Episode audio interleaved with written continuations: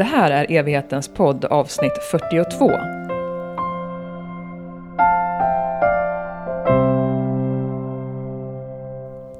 Långt eller kort, slips eller ej, hur kan vi tänka vad gäller färgval?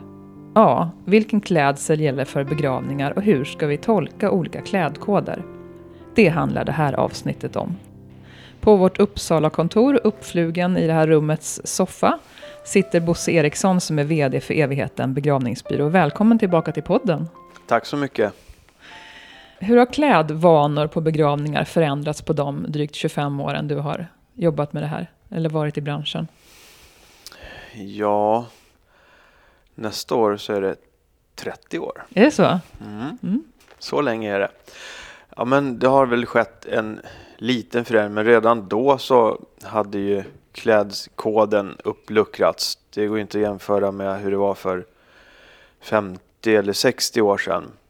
Då var ju Sverige väldigt traditionellt fortfarande med, med klädsel och det skulle vara svart. Och går man ännu längre tillbaka i tiden så skulle ju kvinnorna ha sorgflor för att täcka sin, sitt ansikte och inte visa sin sorg. Och man kanske gick med bindel på armen länge efteråt om man var son till exempel eller så. Men för ja, 30 år sedan då, då, det fanns ju redan då att man skrev i annonserna att valfri klädsel eller ljus klädsel och angav redan då, då hur klädseln skulle vara. Men eh, klädkoderna de har luckrats upp i vårt sekulära Sverige. Så det är ju relativt fritt. Jag tänker att vi ska gå in på det där med olika klädkoder. Men du var inne på det här att, um, alltså det här med sorgband, vad är det egentligen? Ja, man har kanske en liten svart rosett nu på rockslaget. Men förut så hade man ju sorgband på armen för att visa att, att man var i sorg. Ja, då var det ju lätt för omgivningen att, att se också. Man kanske inte hade träffat en kompis på jättelänge men man såg ändå att den hade sorgbandet och förstod att ja men nu är det någon nära anhörig till honom som har dött. Så man kunde förbereda och säga hej och, och sådär. Ja, nu vad, vet man ju inte. Nej, vad tänker du om det? Vad är för och nackdelarna med att det kan synas? Det var väl jättebra att visa att ja, men jag har sorg.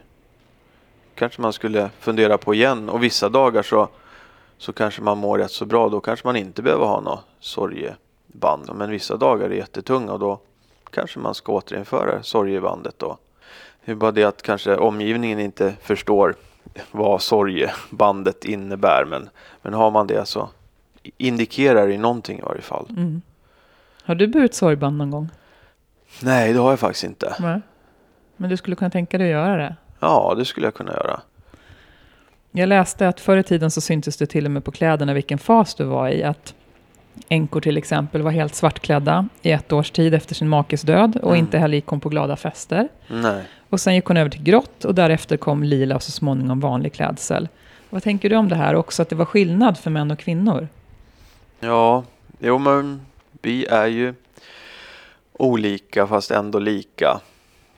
Och det är kanske oftare att det blir en änka än en enkling eftersom männen dör oftast först. Och det var nog ännu mera så förr i tiden när männen arbetade hårt med kroppen och slet ut sig och dog före makan. Då var det ju hon som var kvar. Och klädkoden där, det känns ju också fint att om omgivningen vet färgerna så är väl det jättebra. Då var det svart och grått och lila och sen normal klädsel då. Mm. I hur hög utsträckning kan vi hedra den döda genom klädsel? Ja men det är ju en, när man träffas på begravningen så är det väl jättefint om alla är, är enhetligt klädda. Det var ju någon som kanske tyckte om blått vet jag och då stod det i annonsen ha gärna någonting blått med dig. Och det kunde vara en, en blå liten scarf eller en, en blå näsduk som man, herrarna hade i, i fickan på kavajen. Man visade ändå att ja, men den här människan tyckte om den här färgen. Och det är väl jättefint, mm. tycker jag. Men om det är så att det står till exempel då att man ska ha någonting blått och så har man verkligen ingenting blått eller man är otroligt obekväm i blått. Hur ska man göra då?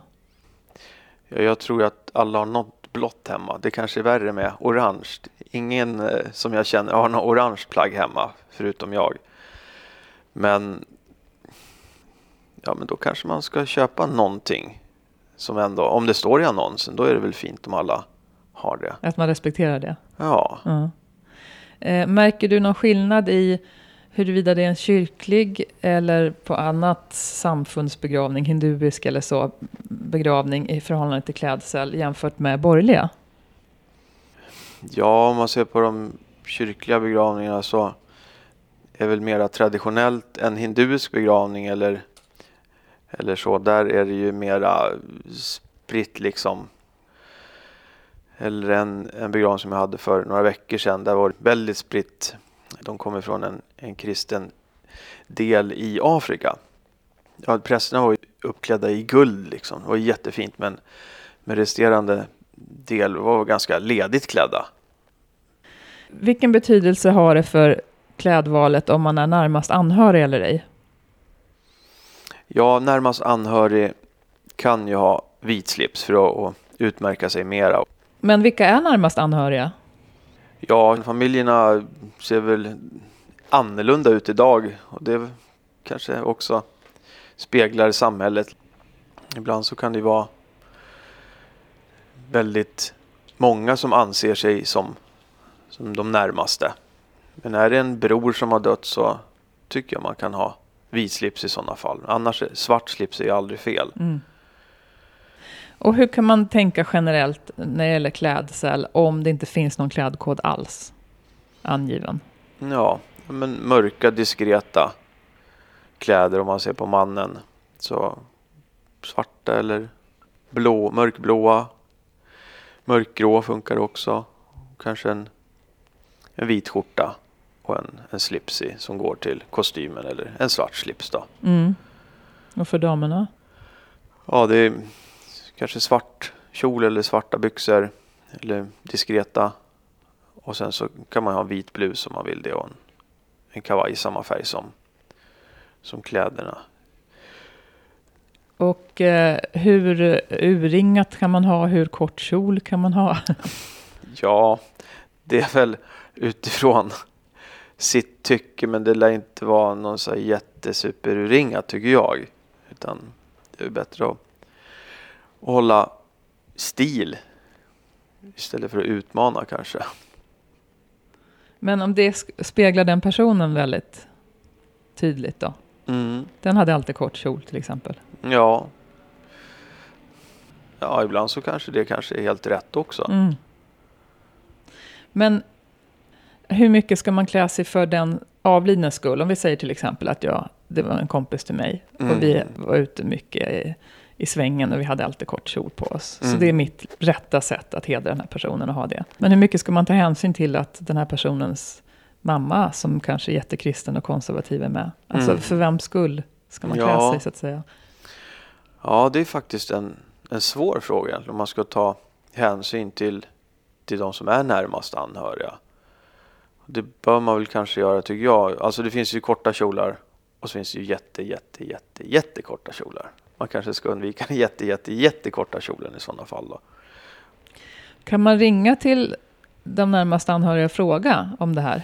Jag tror man inte ska göra det eftersom de har så mycket annat att tänka på. De har tusen saker att tänka på fram till begravning så det tycker jag man kan undvika. Då är det bättre att bolla det med, med begravningsbyrån. Okej, så det är okej Ja, att slå en pling? mm. Mm, om man är osäker. ja precis. Valfri klädsel, hur valfri är den? Alltså det är en sån här kod som man ser ibland, klädkod. Är det vad som helst åt? Ja, fast uppklätt. Uppklätt? Mm. Det kanske inte är shorts liksom. Men valfri klädsel är ju mycket friare. Står det ingenting om klädsel så är det ju traditionellt då. Mm. Är det valfri klädsel då, då kanske man inte har slips. Men kan man komma i en stor blommig klänning? Ja, om den avlidne liksom, om det var en blommig tant så kanske man ska det. Men bara man är uppklädd tycker jag. Det är som om man skulle gå på ett bröllop. Då kanske man inte har sin Helly Hansen flis och eh, jobbrall. Utan man klär ändå upp sig. Och det är väl samma sak när man går på begravning. Det är ändå en, en viktig handling. Om man gör det som sagt var kanske inte för sig själv utan för, för den döde eller för de närmast anhöriga eller för omgivningen där. Så. Eh, ibland ser man en klädkod som är ljus klädsel. Vad betyder det? Då har de anhöriga eller den avlidne skrivit ner i sina önskemål att, att det ska vara ljus klädsel. Och det blir oftast väldigt, väldigt fint. Det kanske är en utomhusbegravning som man har och alla kommer ljust klädda. Och, och det blir också enhetligt. Hur säsongsbetonat är det här med klädsel? Jag tror det är vanligare att man anger att det ska vara ljusklädsel på sommaren än, än på vintern. Och det var faktiskt mycket vanligare för 30 år sedan att man skrev ljusklädsel. Nu ser man nästan aldrig det. Ibland ser man det. Finns det några fler klädkoder som jag inte har nämnt som det kan, kan vara aktuella? Ja, det finns ju vissa varianter där en, en grupp människor klär sig i en, en speciell färg. Och då kanske man ska ta hänsyn till det, men det får väl omnämnas i annonsen. Eller också känner man familjen så väl att, att eh, man ska ha den färgen på sig. Jag såg någonstans att man bör undvika brunt. Har du hört det någon gång eller har du någon idé om varför det skulle vara så? Rött är väl någonting som man kanske undviker oftare än brunt tror okay. jag. Men rött, vad är det med rött som inte är bra? Det ser man på den ja, kinesiska traditionen till exempel. Då är ju rött glädjens färg. Och då kanske man bör undvika rött på begravning. I och för sig är det en människa som är jättegammal som har haft ett långt lyckligt liv. Då kan man faktiskt ha någonting rött på sig. Men oftast så undviker man rött i varje mm. fall. Och apropå Kina så är ju vitt där annars, sorgen så. Det är dödens färg, dödens precis. Färg. Mm. Ja. Är det något särskilt som gäller för barn och unga? Nej, men de kan också komma uppklädda. Man klär upp sig och känner att ja, men nu är det något viktigt vi ska göra. Men man behöver inte gå och springa iväg och köpa en svart kostym till sin sjuåring? Nej, det behöver man inte göra. Men fint klädda. Hur är det här med smycken? För jag, jag har förstått det som att förr i tiden så skulle kvinnor till exempel inte bära guldsmycken alls. Ja, nej, det har man nog också. I sekulariserade Sverige så kanske man inte, ja, man klär väl inte upp sig med massa guld och som om man gör vid ett bröllop kanske när det gäller smycken. Men man tar inte av sig ringar som man brukar ha och så, utan det, det får sitta på. Kan man säga att det helt enkelt handlar om att klä sig oavsett om det finns en klädkod eller inte? Att man inte, alltså syftet är inte att dra uppmärksamhet till sig, för det är inte du som är på begravningen som huvudpersonen. Nej, precis. Det är ju faktiskt den som ligger i kistan som är huvudpersonen. Så att man vill väl vara en del av den sörjande gruppen. Och det här med hatt då? Ja, det var ju också väldigt vanligt förr att man hade hatt. Men det är väldigt få anhöriga som har hatt. Några har jag faktiskt observerat att, att de har hatt. Då kanske de har hatt vanligtvis också, att de känner sig bekväma med det. En fin huvudbonad. Ja, det är tjusigt. Mm. Det kanske kan vara skönt också att gömma sig bakom ett flor, tänker jag. Det Egentligen. hade sin betydelse när det väl var att man hade floret. Mm. För det, det är att skärma av sig från omvärlden och liksom skapa sin egen lilla sfär under den ceremonin. Då. Bara för att avskärma sig. Allt det jobbiga. Hur tänker du att man som anhörig kan klä sig för att uttrycka en känsla eller liksom förmedla ett budskap? Om det står till exempel i en annons att man vill, de, de anhöriga vill att man ska klä sig sommarfint. Ja, men då skulle jag klä upp mig och kanske ha de finaste ljusa kläderna. Då kanske man undviker mörka byxor. Och kanske har några beiga sommarbyxor och ändå en, en vit skjorta eller är man kvinna då kan man ju ha en vit klänning med olika blommor och, och grejer på. Mm. Så att man får tänka på ja, hur känner jag den här människan? Var det en färgstark person då kanske man ska ha någonting som är en färgklick så man, så man inte kommer helt svartklädd där och blir eh, katten bland hermelinerna eller, eller så att man känner sig som en del i gruppen. Ja precis, för det, det vill vi ju undvika. Mm. Att vara den som ja, är avvikande på det mm, viset. Ja, precis. Och ibland så har jag varit med om något, att det står valfri klädsel eller ljusklädsel i annonsen. Och alla kommer i ljus klädsel eller valfri. Och sen kommer de närmast i svart.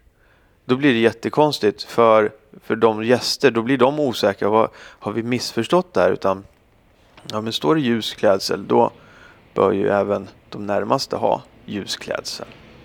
Jag var med om ganska nyligen på en begravning att det var en kör som sjöng på en begravning och då hade alla i den kören en scarf som såg likadan ut. Mm. Det var ett sånt fint sätt att markera att de tillhörde en grupp och samtidigt så var det diskret. Ja, ja, jo men det då har man tänkt ett steg till. Man kan göra mycket med sådana små detaljer, accessoarer. Ja säga. visst, det är definitivt. På Sveriges begravningsbyråers förbunds hemsida, begravningar.se, så läser jag att citat, svart eller mörk klädsel är alltid korrekt. Där står det också att det är viktigt att komma ihåg att det är bättre att komma på begravningen än att avstå för att man inte är korrekt klädd. Vad säger du om det? Jo, det är viktigare som sagt var om man inte har svart kavaj eller så. Man kan ändå ha en mörk byxa och en vit skjorta. Så att inte det blir ett hinder för att gå. Ja, Att man skyller på, men jag har ändå inte rätt kläder. ja nej det är en, en dålig ursäkt att inte gå på en begravning. Men det kan vara skönt att skylla på det. Ja, jo men vi är duktiga på att skylla på saker så vi slipper att gå på begravning. Ja, och varför skulle vi gå på begravning nu igen? Ja men det är ju för att sörja. Liksom komma igång med sorgarbetet och, och hedra en, en människa som har betytt någonting för en. Så att jag tror att det är viktigt att ta tillfällena och, och gå på begravning för de man känner.